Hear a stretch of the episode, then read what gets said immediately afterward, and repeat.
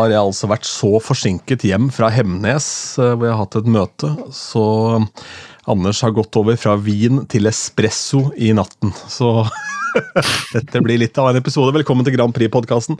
Jeg er Bergersen, Anders er i dag han derre lille. Det er jo Ja, det er vel den du pleier å være, er det ikke det? Ja da, det er ikke noe spesielt uh, nytt ved det, men, men, men, noen ganger blir det tydeligere enn andre ganger. Uh, jeg har nettopp kommet meg hjem fra Trondheim-tur, og der var det en etterfest. Og der uh, var jo Skrellex Uh, og han var jo ikke alene i den bransjen uh, som han tilhører, som uh, sier altså tok mye hjemmetrening for å takle 19 cm høye hæler. Og det som har slått meg, jeg var jo dommer i Parodi Grand Prix i Bergen og vært med på noe sånn tilsvarende i Oslo med mye sånn dragartister. Og de er påfallende høye, alle sånne dragartister. og når de da attpåtil får på seg sånne høye hæler, og, og, og, det er et eller annet med at uh, de er jo så hyggelige folk, uh, men jeg blir altså så liten i det selskapet der når vi skal gå rundt og ta selfie, for jeg nevnte på den der bonusepisoden at uh, jeg var så dårlig på å gå bort og be om selfier. Uh, eller spørre kjente mennesker om, om selfie. Ikke fordi det er så viktig for meg heller, men så har jeg tenkt litt på det siden den gang og funnet ut at jeg tror det er fordi at høydeforskjellen blir veldig avslørende i det du ber om en selfie, eh, fordi det blir alt så pinlig si, altså, Og så prøver du å lage et slags oppsett som gjør at vi begge kommer på samme nivå med, med kasser og stå oppå ting, eller så må disse her veldig høye folka på 19 cm stå og bøye seg framover for å treffe hodet mitt omtrent i hodehøyde. Og, så den eneste jeg lyktes med, det var Ket Gulbrandsen, for hun var egentlig på høyde med meg. Og jeg har ikke noe mistanke om at hun egentlig er mann, så, så, derfor så kan hun egentlig bare ha den høyden hun har. Så vi var, sånn, var inne på en sånn fotoautomat på denne etterfesten hvor alle ble helt kritt hvite i ansiktet. Det var veldig, veldig rart. Eh, så det var veldig koselig. Jeg og datteren til Kate Gulbrandsen og Kate Gulbrandsen tok et sånt bilde som ligner på sånn fotoautomatbilde. Men vi trodde vi måtte betale, eh, og så sneik Kate Gulbrandsen og jeg oss vekk derfra før vi betalte, for vi syntes bildene var så dårlige. Så vi sa bare Nei, vi, vi, stikker. Vi tar med oss bildene og stikker. Eh, men så var det jo gratis, da. Så det var den gangen Ket Gulbrandsen og Anders Tangen virkelig skulle kjenne seg litt sånn gangsteraktig ved å stjele liksom sånne bilder fra en automat inne på en Grand Prix-fest, så var det gratis. Så nei, så den der slags partyfaktoren og gangsterfaktoren der, det var egentlig bare stor fiasko. Så jeg følte meg veldig mye som han derre lille i det der selskapet, med veldig mange høye folk rundt. Du har jo en overraskende stor personlighet, da, så det er jo noe med det. det tar jo den plassen du tar. Og så tenker jeg det at eh, Jeg har alltid sett på deg som at du er en fyr som eier eh, det faktum at ikke du er så jævla høy.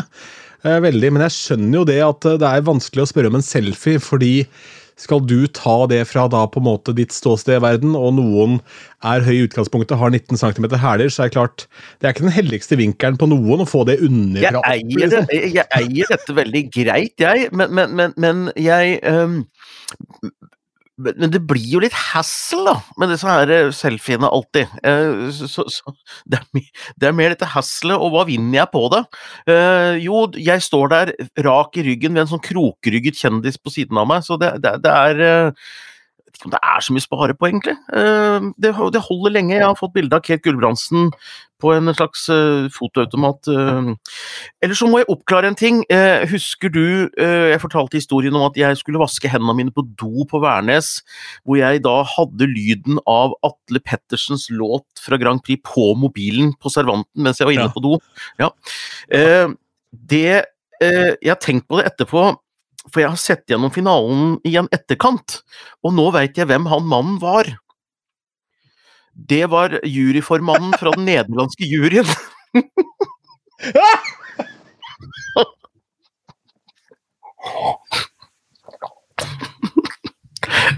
Lars et eller annet. ja, riktig. Ja. Så han uh, skulle nok hjem, så han Jeg tror det var mange som leste opp poengene fra landet de var i, men så tror jeg også det var noen som var uh, i nærheten av For de gjør det jo da med noen plakater i bakgrunnen, ikke sant. Så jeg tror han var en av de som var lokalt på stedet, da. Så Herlig. Da det det syns jeg er fint at du klarer på en måte å Ja, og så klarer du, klarer du på en måte å gjøre såpass inntrykk. Det er sånn Nisse, Nisselulandet Norge, tenker de i Nederland, og så er det, det her viser de til og med Grand Prix på mobilen mens de vasker hendene på dass. ja, se på Grand så, så hvis, hvis, det blir en slags avisoverskrift i Nederland, så får vi nå se eh, hva det blir ut av det. Men, men jeg syns jo det, det, er jo fint at den nederlandske juryformannen sitter på Værnes liksom, og, og, ser gjennom finalen. Så skjønner jeg at det var jo kanskje ikke interesse for Grand Prix, det var vel interesse for å se seg selv, hvordan han var på TV-skjermen antakelig. Eh, det gikk jo bra, det. Ja, mest, mest, trolig. Men uh, ja, det er jo fint det å bruke tida si på det. for Jeg syns det er hyggelig. Jeg har vært på Hemnes. I Hemnes. Hvor er det? Ja, jeg vet ikke. Ja. Det er um, Aurskog, Hølland, Bjørkelangen. Altså, vi er jo Det får ikke blitt noe særlig mer Altså, det er langt til naboen. Ja. Innlandet ned mot Sverige. Nei, ikke Innlandet. Vi er jo Indre Østfold og oppover der. Eh, Akershus, Indre Akershus mot Sverige, på en måte. Eh, ja, Midt ja, mellom ja, Mysen og ja, borti der. ja. Men i hvert fall, langt inn i skauen. Og hadde med meg min kollega Roger, som er karaokeminister. Ja. Han øh, var med, og vi kjører opp mot dette, denne puben, og så sier han det kan ikke være her, det må være hjem til folk, dette her.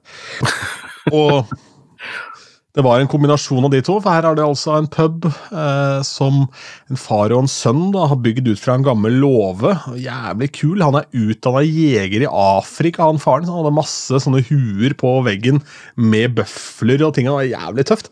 Um, og så har de da en skytesimulator ved siden av denne puben, og så trenger de litt hjelp med ting og tang. Så da dukker vi opp der. Men det slår meg da, på vei derfra, for der tåkeheimen der var guffen, for der var det jo mye uh, dyr, for å si det mildt. Uh, så rådyr hele veien, var redd for elg. Det var til og med sånn varselskilt for elg med blinkelampe på, og det ser du ikke overalt ellers. Um, så derav denne forsinkede episoden, for det tok eh, tid. Det var både hyggelig møte og lang biltur hjem. Men jeg har ikke spist middag. Jeg har spist et frøhorn som de hadde på butikken der, og så har jeg tok hjem en dessert, og det er jo fra dine hjemtrakter. Dette er jo da Totenkringler. Og er de i markedet fortsatt? Tydeligvis. Eller er, det, eller er, det, noen som har ligget over i fryseren siden den gang de var på markedet? Det... De var tørre, ja. Ja, fordi dette er ting jeg forbinder med sånn sent 70-tall. Ja, det er, Designet ser også veldig sent 70-tall ut, skal sies. Eh, dette er jo da for spesielt interesserte fra Holmstad hjemmebakeri, som ligger på Skreia. Eh, det vi kan si om Totenkringle, er at det er en slags lussekatt uten luss. Eller uten katt, bare luss. Jeg vet ikke. Ja, Uh, husker jeg det riktig, så er det vel egentlig uten særlig kanel også. Uh, så ja. det er et slags bakverk. Uh, det var mye av det på 70-80-tallet, husker jeg, sånn som lå i sånne poser.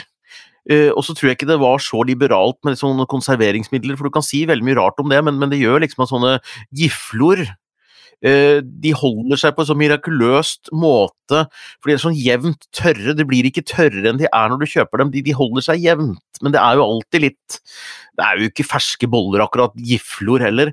Men, men disse her, de, de, skulle være myke, disse her Totenkringlene, men, men de var egentlig aldri det. Nei, Og så må jeg si at det hadde en ubestemmelig smak. Det smakte liksom ingenting. Det smakte litt luft. Så Roger sa det egentlig best. Dette er vannfyll. Ja. Det er vomfyll, og det, det, det, at det smaker luft, tror jeg du skal være, være rimelig fornøyd med det, egentlig. Fordi det, det, er ikke så verst, det, altså. Nei, gratulerer med innkjøp av Totenkringler fra Holmstad. Ja. Og i dag så har jeg da opplevd for første gang å bli tatt på fersken i å jobbe eh, da jeg egentlig skal ha fri. Oh, ja. Av en overordnet, da. Så jeg fikk en mail i dag eh, fra Eirik, da, min sjef i NRK, som sa Jaså, har ikke du fri i dag, sto det. Så tenkte jeg jøss, men i svarte faen, hva er det som skjer? Jeg svarte tilbake jaså, Big Kjos ser deg da, eller hva er det som skjer? Og så reagerte han da på at eh, han hadde lagret noe i en mappe samtidig som meg, så han har sett at det er jeg som la inn noe i den mappa. da. Så det var bare tilfeldig. Han satt ikke og fulgte med på om jeg jobba eller ikke på fridagen min. Så flink Så måtte jeg jo bare fortelle det at Nei da, det var mer det at eh, det dukker fra tid til annen opp uh, ting som gjør at jeg kanskje må flytte litt rundt på en arbeidsdag. At den dagen blir seks timer, den neste blir ti, og litt sånne forskjellige ting. Og så tenkte jeg nå tar jeg og gjør noen tidløse varianter her, så ligger jeg litt foran. Så har jeg en sånn til gode som jeg kan uh, jukse litt på, for i dag så hadde jeg mulighet til å gjøre det. Så jeg har laget noen tidløse innslag om litt diverse plater som fyller 20 år i år. Så uh, jeg gjør det på akkurat samme måten, ja. ja. Og uh, jobber litt på kvelden og dagen, og det, er, uh, det fungerer veldig bra, det, altså. Fortalte jeg deg Jeg fortalte at jeg hadde fått konfetti i halsen da jeg satt i salen? Ja, ja det gjorde du. Fortalte jeg deg at jeg også skremte opp halve flyet på veien hjem? Nei, det har vi ikke snakka om, nei. Nei, jeg må bare nevne det også, fordi at jeg, jeg var så trøtt når jeg satt på flyet at jeg sovna jo som en dupp. Men så våkner du litt av og til at flykapteinen sier et eller annet, så du halvvåkner litt, og så, og så, skjønner du at du sitter på flyet, og så er du våken og prøver å holde deg våken. Jeg hadde noe sånn Gjever og gjengen, sånn VG-podkast på øret som var en veldig så kjedelig episode om uh, Husker ikke hva det handla om engang. Uh, og, og så var jeg våken, og så og så halvsøvne, for jeg husker marerittet så godt. Jeg drømte at jeg var på busstur og kjørte i nedoverbakke ned mot en sånn vannplaning. Og hele bussen skjønte at den vannplaninga der kommer jo til å ta bussen. Dette er ikke noe vannplaning, dette er jo en innsjø. Bussjåføren kjører oss rett ned i vannet. Nei, nei. Så, og idet vi treffer vannet uh, med denne bussen, så er jo dette selvfølgelig flyet som treffer bakken. Og, og, og Ronny, jeg, jeg skriker litt.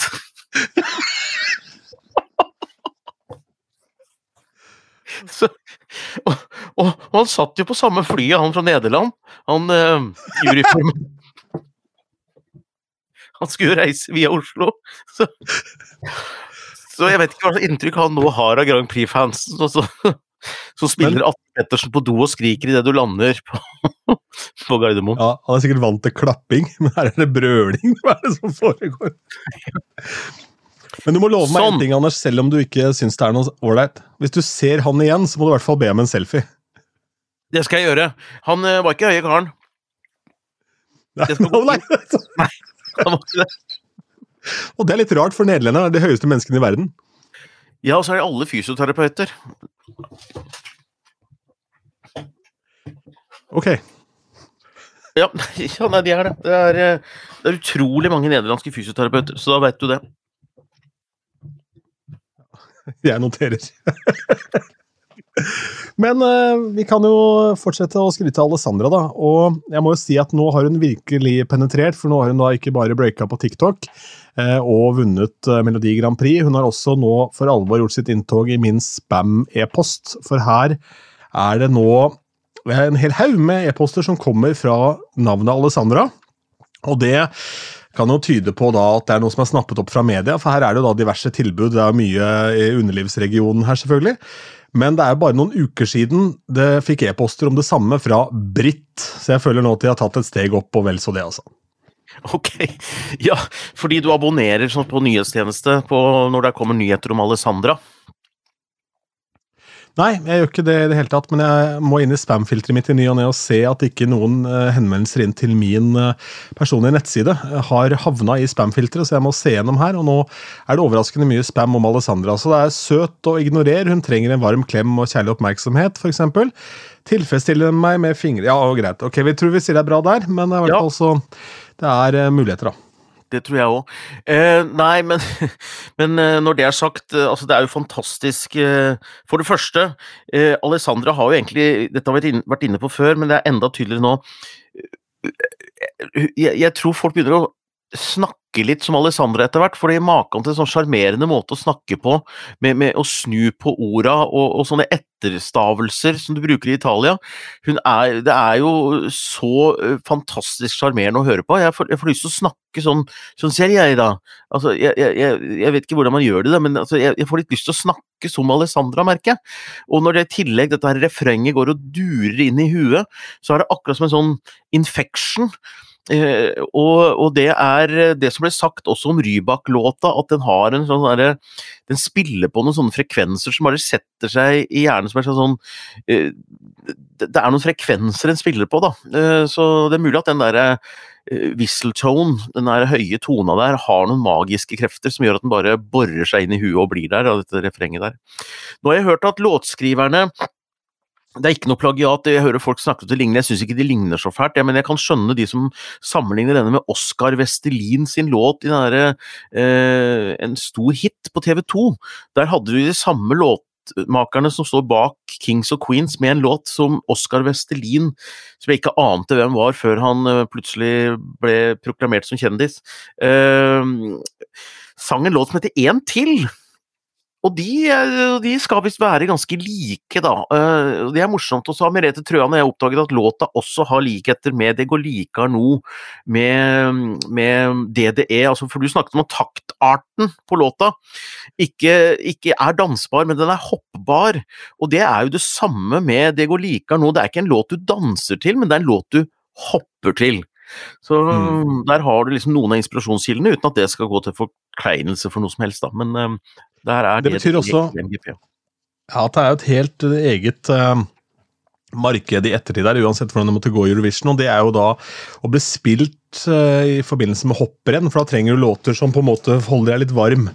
så det er en slags moderne OL-floke, da, på sett og vis. Ja, og så kan jeg tenke meg at Alessandra blir den eneste som har merchandise hoppeslott i, i Eurovision. Eller hoppestokk? Hoppestokk, ja. Så svær hoppestokk som står Alessandra på. ja, det er, jo, det er, jo, trikset for deg. Du må kjøpe ja, den hoppestokken, da kan du ta selfie med en gang. ja, selfiestang. Bare montert på gubben i stedet for telefonen? Ja. ja. For du bare setter meg på der, og så, og så lar vi det stå til. Ja, det skal jeg jammen ta med neste gang. Jeg har med selfiestang, jeg. Og så bare hopp. Ja, nettopp, men det er veldig bra. Uh, ja, ellers så, ellers, så, ellers så, er det jo morsomt også Jeg tror vi har noe stort på gang, for nå har uh, nå har uh, godeste han Tobben Ek i Aftonbladet i Sverige tatt fram slegga og begynt å erte Norge ved at den ligner veldig på Klara Klingholms låt som var med Melodifestivalen i fjor, 'Running to the Hill'. Uh, og at dette er en slags kopi av den, da. Men han sier fremdeles at uh, låten til Norge er bedre. Og uh, men, men, når han begynner med det der, da er det bare for å erte oss. Altså, det er så gøy når han gjør det. fordi han, han jeg, jeg, liker han, jeg, han, er morsom, og han gjør det bare for å erte oss. 'Running to the Hills', Klara Hammarstrøm het, eh, het, artisten og låta i eh, Melodifestivalen i, i, fjor. Så vi kan jo legge ut link, så kan folk eventuelt høre sjøl hvor mye det ligner. Men Tobben ja. Mener at det er en kopi av denne svenske låta, da. Det er det ikke, men det er jo Jeg syns bare det er gøy med sånne Så når de kommer med det kortet der, da er det noe stort på gang. Sånn var det da Rybak vant også. Ja, da får jeg bare slå tilbake med at da, ifølge din tidligere analogi her, så har de da igjen kopiert det går likere nå, så da kan jo skylde seg sjøl. Altså, hallo. Ja. Men jeg må jo si det er jo gledelig for vår eh, og venn av podkasten Stig Karlsen. Det er jo nærmere millionen som så eh, Grand Prix i år, og det er jo, det er jo helt rått.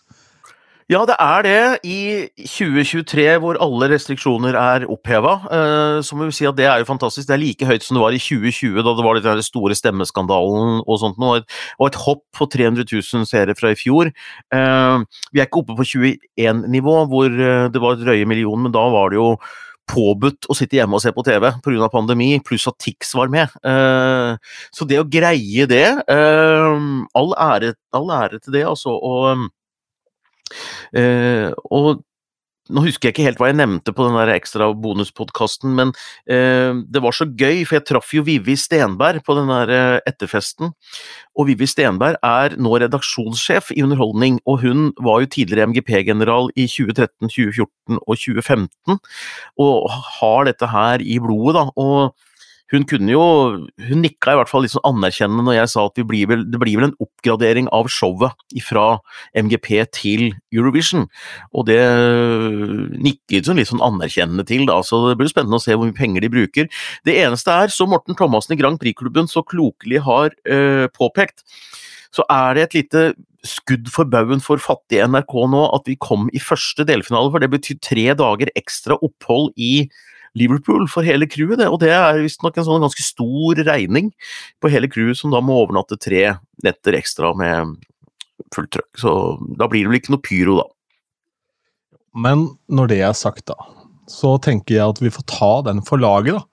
For NRK, ja, de er fattige, de, men det kan ikke være en rikskringkaster i verden som, har, som egentlig burde vært bedre stilt. Altså, Tenk deg hvordan det er jo ikke sånn at det bare er dyr strøm i Norge. Det er jo ikke gratis strøm i Polen, er det det? Nei. Nei da. Og Ukraina har jo også, et par ting å tenke på utover det å lage en uh, kul nasjonal finale og sende et nummer til Eurovision. Så, um, og det er jo andre land enn bare oss som skal være med først, i første delfinale. Så, nei, jeg mener i første semi. Uh, så, ja. Nei, det burde gå bra, uh, men det blir spennende å følge denne låta. Det, det som jeg er hvis jeg skal være bekymra over noen ting, hva tenker du om det? Så er det jo at låta går viralt nå, altså eh, rundt eh, 10, ja, 7. til 10. februar, og det er tre måneder til mai. Greier den å holde, liksom, holde seg oppe, eller, eller, er det Yesterday's News når den kommer på eh, i Eurovision? Greia er eh, at da må man se på hvem som stemmer. Fordi det å være Yesterday's News uh, hos kidsa uh, da Eurovision-finalen går, det er en god deal. For da er du the news hos foreldrene, ikke sant? For det er jo ikke Grand Prix-fans og, og Eurovision-fans nødvendigvis som sitter og strømmer Alessandra nå. De får jo med seg nyhetssaken om at hun er megapopulær og sånne ting. Og så kanskje de liker låta om noen måneder, ikke sant? Det er jo um, um, Det er et dårlig eksempel, da, men det er ikke veldig mange sanger fra i fjor jeg spiller i et bryllup i år ikke sant? Som har etablerte noe store nok hits. Altså As It Was med Harry Styles, mest spilte sangen på Spotify fra England i fjor. Den er der. Ikke sant? Så Det må være sånn megatunge etablerte hits. Så det tror jeg kan være egentlig bare en god greie. sånn egentlig. Ja. Eh, for alternativet er jo ikke gå viralt i det hele tatt. da. Altså ja, ja. Bare ligge der og lunke på, for det er jo ja, fordi finalen er jo uansett på denne tida her, det får du ikke gjort noe med, så det hadde, det hadde vært det samme for alle låter. Og det er kanskje bedre å starte fra et viralt synspunkt enn å, enn å starte litt nede, da. Jeg så en uh, React-video fra en som heter The Balkan Guy. Han var helt fra seg av begeistring. Det er forresten alle React-videoer, det er veldig, veldig gøy. Så jeg kan ikke legge ut link til alle, men, gå inn på YouTube og søk opp React to MGP 2023. Uh, og en som heter Balkan Guy, han, uh, han påpeker det litt morsomme i at han tror at hele den låta kommer til å redefinere hvordan egentlig Eurovision funker. Eh, fordi han sier at eh, nå kommer det til å bli en større kamp heretter om å greie å gå viralt før MGP, eh, eller før Eurovision. Fordi hvis man sa at det er helt eksepsjonelt at du går viralt fra en nasjonal finale før du har vunnet en gang, den nasjonale finalen. Så han sa at det, det, har vel nesten ikke skjedd før, så han tror liksom at hvis Norge skulle vinne, da, så vil det skape en sånn ny greie på at uh, markedsføring og det å prøve å gå viralt blir enda viktigere enn det var før. Men det er jo ofte sånn at det å prøve å gå viralt, det fungerer ikke. vet Du Du går viralt fordi det er et eller annet som gjør det verdt å gå viralt. ikke sant? Uh, og jeg må ærlig innrømme at jeg forstår ikke nødvendigvis hva det er med akkurat den låta som gjør at den går viralt. sånn, Hvorfor de snapper opp den. Jeg kan forstå det med andre hvor det er noe i teksten, sånn som denne låta til Lady Gaga. Dance, dance, dance, og så står alle og danser. Det kan jeg forstå at det er liksom en greie, for det er jo essensielt alle danser i alle settinger. Om det er på nattklubb eller bryllup eller altså whatever, ikke sant? Eller om det er barnet ditt som gjør det, eller ikke sant, foran TV-en til, til Bli med, ikke sant, eller hva enn det måtte være. men Akkurat hvorfor den Alessandra-låta har blitt så poppis blant uh, tiktokere og sånn, jeg har ingen anelse. Veit ikke. Veldig bra, Ronny Bergersen, DJ og programleder på NRK P1. Det liker jeg, fordi at eh, da, da tenker jeg når man ikke skjønner det helt, da er det noe som egentlig ikke har vært der før. Altså Det er et eller annet da den treffer en eller annen nerve som enten er en ny rytme, en ny beat, eller akkurat dette har vi ikke hørt før, og da får du plutselig Kanskje det er det som forklarer at juryen også ga det litt poeng, da, at det er en Eller ga det mye poeng. Altså at det oppfattes som faktisk Ja, men dette er jo ikke helt generisk. Det er egentlig noe som man ikke, egentlig ikke skjønner hvorfor slår an, og det er kanskje nettopp derfor det slår an, da, fordi det er eh, Det er liksom litt rart. Det er jo kjemperart. Det står ei sånn italiensk jente fra Norge og synger egentlig Det går likar nå på engelsk. Eh, det gjør jo ikke det, da, men, men det er liksom sånn og det er jo så kult. Hun har jo, hun har jo så bra energi på scenen, den dama der. Hun selger dette budskapet. Ja, Men det veit de jo ikke, de som har valgt den låta til TikTok-videoen sin. De hører jo bare det lille lydklippet. De har ikke noe forhold til henne på scenen. Ingenting, de. Nei, det er også sant. Eh, også lager, men de lager Lego, da. Av henne. Ja, det er jo Jeg har mye Lego-varianter av Alessandra. Får du mailer om det også i spam-filteret ditt, eller? Legodukker? Nei, ikke enda. Det har ikke kommet noe Lego, men jeg tror kanskje det dukker opp nå, for jeg søkte på faktisk eh, Seinfeld-settet i Lego i stad. Jeg googla det i stad, for jeg vurderer å kjøpe det. Så Seinfeld-sett i Lego? Ja, du får, eh, du får stua til Jerry, og så har du Newman i døra. Ok, men har du Er Jerry Seinfeld i Lego også, eller er han Ja da, det er Lego-figurer. Det er hele gjengen, og så har Newman står og kikker inn i døra. Så Å, ja. det er det som er greia. De laget en sånn greie for noen år siden som var Friends, og så var det Seinfeld, og så lurer jeg på om det var Barney Chairs ja, som kom eh, i Lego-varianter. Hmm. Nei, så bra. Eller så må jeg si, jeg har sett første delfinale i Mello, Melodifestivalen, i dag. Det var altså fantastiske programledere, bare ta det først. Utrolig morsomme programledere. Eh, beste i hele, hele mm, sulamitten var eh, da han mannlige programlederen, som jeg akkurat her og nå ikke husker navnet på, han var veldig dyktig forresten, veldig morsom, veldig sånn subtil morsom. Han sto der med en svær ballong oppå opp på toppen av huet, altså megasvær ballong. Så han sa at nå skal jeg definere forskjellen på lavkultur og høykultur. Bare for å bringe liksom Melodifestivalen inn i finkulturen, så skal jeg nå gjøre nyballett. Og han hadde jo virkelig verken kropp eller koreografi til å danse ballett, men han sto med den der forferdelig store ballongen som han tredde nedover huet, og nedover kroppen så gikk han inn i denne ballongen og dansa til sånn musikk som du kan se på sånn hovedscenen, eller altså det, det, det var litt sånn moderne kunstaktig, da, med noen rare hopp og sånn. Og så kom hun medprogramlederen og skulle blåse opp mer med en sånn støvsuger, som liksom blåste mer luft inni denne ballongen med han inni. Og da sprakk jo hele driten, altså, så, så han skulle få en ny ballong.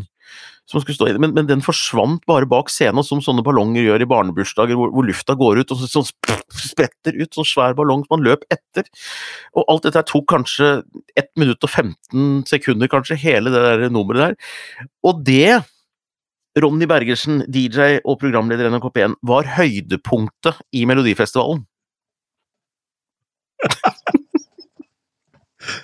Ja, Det var altså en Primavera-sketsj fra 70-tallet som var høydepunktet? Ja, det var Unnskyld. Altså, det var så dårlig. Altså, det, det, det er fin scene og mye flinkere med farger, og de greier faktisk i Sverige å ha lys i ansiktet på artistene. Det greier de ikke i Norge, jeg vet ikke hva de gjør, men det greide de. Men altså, låtene, det var så pislete uh, og så stusslig. Uh, jeg skjønner ikke hva som har skjedd med Sverige i år, altså de, de, eller i hvert fall i første delfinale. Det var så lite energi uh, og så lite tenning at Nei, det var kjedelige greier, altså. Men eh, morsom programledere. Men jeg gleder meg til å følge det. det. Det er det som blir det store utover nå, da. Følge og vente på etter hvert eh, Marcus og Martinus. Og det blir jo morsomt hvis Norge nå blir favoritt i eh, Eurovision, og Marcus og Martinus vinner fra Sverige. Så kan vi ha det litt moro. Men eh, du sier jo egentlig da at de har jo egentlig gode kår så det holder, da. Fordi med tanke på konkurransen i delfinale 1 i hvert fall, så tyder det jo på da at eh, det kan være muligheter her. Ja, altså, altså hvis kvaliteten holder her, så, så, så, så, så kunne jeg vunnet. Ok. Ja, den er grei. Jeg skal kan du ikke forresten bare i studio på onsdag. Eh, hva heter alle disse låtene dine som har blitt refusert? Det er jo flere av de. Ja, det er flere av de. Eh, og nå skal jeg lage en ny. Eh, og jeg skal nå i studio på onsdag, men et nytt studio denne gangen. Nå skal jeg til Mjøndalen. Jeg skal til studio, um, studio i Mjøndalen, Norsk Lydstudio, og spille inn vokal på en ny låt eh, på onsdag. Og, og den låta er country denne gangen. Jeg skal rett og slett lage en liten countrylåt. Det eneste jeg er veldig spent på, det er om jeg nå får oppleve å få lov til å synge med autotune.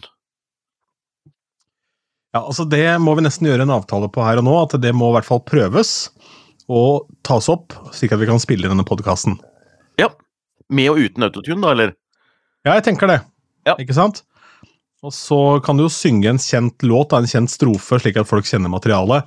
Ja. Akkurat eh, med og uten. Det kan du gjøre, f.eks. Ja, men det gjør vi gjerne, sånn at vi får eksemplifisert egentlig hvordan autotune kan virke, for da får vi en elevøvelse i bruk av autotune, rett og slett. Altså. Så, mm. Ja, det med en som er sju år i huet, det blir helt topp. Det blir bokstavelig talt elevøvelse. Ja, forresten, det er rart å øve, for jeg har jo fått instrumental, har jo fått backing-tracket, da. Eh, Men jeg har jo, vi bor jo i et rekkehus, tre stykker her. eh, En åtteåring, samboeren min og jeg, og jeg har jo ikke noe eget musikkrom. Så jeg må jo stå og øve mens f.eks. jentungen gjør lekser og samboeren lager middag. Så står jeg oppe med det der backtracket eh, på stua og synger. Og så kom jeg ned eh, og skulle spise middag i dag, og så, sa, og så kom det bare fra samboeren min Du, Anders eh, Og så likte jeg uttrykket hennes. Du, de syngegreiene dine. syngegreiene. Så sa hun at ja, men du må jo synge med, den, synge med stemmen din. Eh, ja, så jeg har tenkt å synge med stemmen min, eh, hva, hva tenker du på? Nei, hun syntes jeg hadde lagt meg til en slags rar greie, fordi at jeg prøvde å synge mye dypere og mye mer sånn brystklang og være litt tøffere enn jeg egentlig er, jeg har litt sånn lys stemme. Så jeg drev og eksperimenterte, da, men det er liksom ikke mulig egentlig å gjøre i et sånt lite rekkehus, da, for da får du liksom tilbakemelding fra kjøkkenet. Så um, men, eh, men som sagt, jeg tror jeg hadde vunnet Melodifestivalen hvis jeg hadde fått sjansen til å være med, i forhold til det som er med der nå. Ja, men Det er eh, harde ord, må jeg bare si. Det slo meg det at det har vært gøy eh, det tenkte jeg på i stad når snakka om dette med mangel av pyro. Det har vært gøy å vært sånn steinrik og spandert pyroen. Altså, at det bare Vet du hva jeg skal bruke pengene mine på? Jeg skal jeg rive inn noe pyro, jeg. Ja. Eh, vi skal snakke om det på EEC Norges livestream i kveld, om det er lov for artistene å spytte inn penger sjøl. Eh, for da lurte vi på om vi skulle lage en spleis på pyro til Norge i år, siden vi er i litt sånn fattig situasjon. og Det blir sikkert veldig godt mottatt blant de andre landene at fansen må spleise på pyro fra Norge, av alle land, til Eurovision. Ja. Det blir sikkert jævlig godt mottatt fra de som ikke har penger òg, som på en måte nå sliter med å betale regningene. At de som har en kroner til overs, sender det til å fyre. Altså bokstavelig talt skyter rett opp i lufta. En rakett i rumpa på Alessandra, liksom? Ja, ja det er det. Eh, Uff a meg. Um, Det er det det Du, går ap- til. apropos det, da. Vi kan jo avslutte med noe seriøst her, da. Ja, Vi kan avslutte med noe litt seriøst her, da. Og det har ingenting med pyro å gjøre. Men eh, min tidligere kollega må jeg dessverre si nå, for de sa jo opp altfor mange mennesker i Radiometro, og Hege Tepstad var dessverre en av de, meget dyktig programleder. Hun er også en del av Gateteam Oslo, som da bidrar til at de som bor på gata i hovedstaden, har noe å putte i trynet. Eh, som kanskje gir noe næring, og også prøver å sørge for at de har noe på beina og noe rundt kroppen sin, altså form av fottøy og, og, og klær. Eh, de eh, har stor manko på herresko.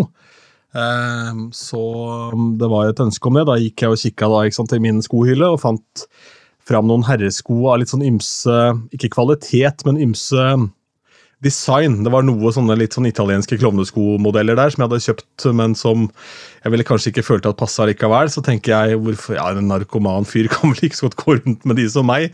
Uh, så det er en som kommer til å se jævlig fjong ut på beina utover våren. Det er noe skikkelig sko. Um, Ja, det var egentlig godt du sa det, fordi jeg, jeg satt og tenkte på skjønner, jeg, jeg, jeg hadde også, jeg rydda i skapet mitt og fjerna også noen sko, uh, og blant annet noen lakksko. Som øh, begynte å sprekke litt i lakken. Eh, bare det å ha sko som sprekker er jo en rar ting. Um, ja. off, ja, nei, Men- eh, Men i hvert fall eh, så, så da fortalte jeg min mor om dette. Eh, Ja. Og da jeg var hjemme hos eh, henne en tur på, på søndagen, og da sa hun jo, men eh, jeg har jo noen sko som ikke passer lenger, for hun hadde et komplisert brudd i foten for, i ankelen for en stund tilbake. Eh, For noen år siden. Eh, Hun hadde vært og spilt kort. Det kan hende det var noe av garnityret til kortspillingen som var problemet. Men det er også um, Og mutter'n hadde jo en hel søppelsekk med sko i forskjellige varianter hun ikke fikk brukt lenger. Eh, Så jeg kunne da ringe Hege og legge en beskjed på svareren og si at jeg har noen sko fra meg. Og så har jeg en søppelsekk med sko fra min mor til jenter, og noen jakker og greier. Så Tove har jo virkelig bidratt her. Så Gateteam Oslo heter det hvis du eh, har ting til overs som du føler at ikke passer lenger, så tenk på de som ikke har en dritt, bokstavelig talt. Gateteam.no er en kjempegod idé, kjempegod idé det altså. Uh, jeg, eh, Hege Tepstad forresten, Uh, det er jo morsomt, hun har jo vært programleder i Melodi Grand Prix, det visste du kanskje? Nei, det gjorde jeg ikke. I 2003 så var hun en av programlederne Jøss, i alle dager. Mm. på, Ah, i. Oslo Spektrum. Men den ble veid og funnet for lett for Radiometro. det er alltid muligheter. Det finnes alltid muligheter. eh, Ja. Så det er Hege Tepstad da- og, og Stian Staysman. Eh, Ja, nei, han var ikke med i 2003. Å nei. Staysman var vel ikke med da, var det? Nei. Nei han var ikke det. Nei, han var ikke det. Nei, Men jeg tenkte begge har vært programledere i MGP. Ja, ja, ja, sånn, ja. sånn, ja. Og Morten Harket. for så vidt. Men eh, det er noe så. Eh, vi Gryte også.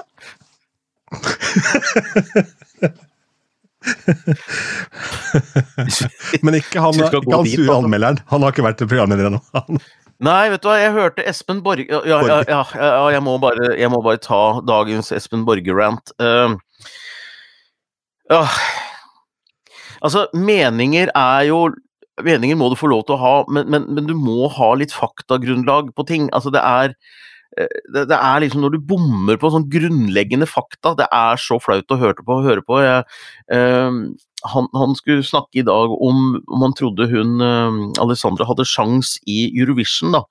Eh, og da Ja, fakta, fakta, det blir for så vidt en mening, da, men han, eh, han sa jo at eh, han likte veldig godt Elsibay. Det var en veldig bra låt, og derfor så burde ikke den være med i MGP, fordi det var en bra låt og en, og en god vokalist, og det har ikke noe i Eurovision å gjøre, for det er ikke det Eurovision er laget for, mente Espen Borge. Men derimot Skrellex, det er som skapt for Eurovision av i dag, som er en moderne poplåt eh, som Eurovision. Altså det er 20 år siden den musikken var populær i, i, i Eurovision. Det, det, det, er, det er ikke et synspunkt, det er liksom ren, skjær fakta. Um, nei, det er fascinerende. Um, Dette er, dette er interessant, for dette blir den andre, andre referansen til Primavera og Tom Mathisen Herodes Falsk i denne podkasten. Um, for det blir jo litt som da jeg leste biografien til Herodes Falsk. Hvis ikke du har lest den for øvrig, så er det ordentlig fornøyelig lesning. Det er en av de morsomste bøkene jeg har lest i hele mitt liv. Eh, han er jo en vanvittig god penn, uh, Kim. Uh, og. Kim Bård Hansen heter han vel. Fyr. Jo, og han eh, forteller der at eh, det gikk jo sporty for avisene å sende på en måte de mest høykulturelle anmelderne de hadde, for å se på showene til, til Tom og Herodes. ikke sant? Så det var jo slakt på slakt på slakt. Og det er jo et eller annet det samme her. da Det høres ikke ut som Espen Borge egentlig har noe Hvorfor skal han mene om dette? Altså, Han kan vel gå og se på noe musikk han liker, eller? Altså, Det finnes jo nok av folk som syns dette er ålreit. En hel million i tallet har jo sett på dritten. Altså, Hvis du tenker sånn som Espen tenker. Ja, og så blir han liksom sånn, litt sånn ekspert på Eurovision plutselig. og Så, så har han Han har virkelig ikke verken historisk eller uh, nåtidig kompetanse i det, og det har jeg full forståelse for, men altså, du kan like gjerne Som jeg sa, jeg kunne vunnet Melodifestivalen lett hvis de holder dette her eh, nivået som var i første delfinale. Eh, og, og jeg er sikker på at eh, hvis eh, liksom anmelderne holder samme nivå rundt omkring som Espen Borge, så kan de godt sende meg til å anmelde en jazzkonsert eller en uh, symfonikonsert. Det kunne vært gøy, forresten. Du, kanskje det er et konsept å, å, å, å ta, et slags, ta en Espen Borge? Rett og slett å putte folk som ikke har kompetanse på et område, til å skrive om det. Altså det, At det kanskje kan bli en ny At det er en ny sjanger han har funnet opp, rett og slett. Folk som ikke Ja, kan lese, eh, blir satt til å anmelde bøker, eksempel. Jeg vet ikke. Jeg holdt på å si noe veldig slemt nå, men er ikke det det Dagbladet har holdt på med i alle åra? Jo, jo. Ja, det, det, er morsomt. Dagbladet Altså, publikum i, uh, Oslo, i Trondheim Spektrum er altså det mest eksemplariske publikum jeg noensinne har opplevd siden Chateau Neuf i 1988 uh, i den norske finalen, for da var det sånn publikum som Du kunne slippe en altså det, det, det, gamle ordtaket det var sant. Du kunne slippe en knappenål ned på den scenen, og publikum ville hørt det. fordi når det skulle være stille, så var det stille, og når det skulle juble, så jubla de og sånn. Eh, og i Oslo Spektrum har det vært noen ganger at folk har vært litt fulle og vært litt spredte i konsentrasjonen sin. Men i Trondheim Spektrum, det var liksom under oppvarmingen Hvis dere kan være stille nå, så var alle helt stille. Hvis dere nå kan øve på å synge den derre na-na-na-na-na-na fra eh, Subwoofer, så sang absolutt alle. Og de fulgte med på VB-ene, og de var blide, de heia på alle. Et eksemplarisk, fantastisk publikum. Og så greier Dagbladet å lage en overskrift ampert i salen. Fordi det var to bestefedre som røyk på en smell ved at en hadde sølt litt øl oppe på tribunen der. Og så greide de også å si raser mot internasjonal jury, fordi de hadde funnet to Twitter-meldinger om folk som var imot internasjonal jury. Og så skrev de 'kunne gjort stor skade', fordi det var en stemmeskandale at noen hadde greid å stemme flere ganger.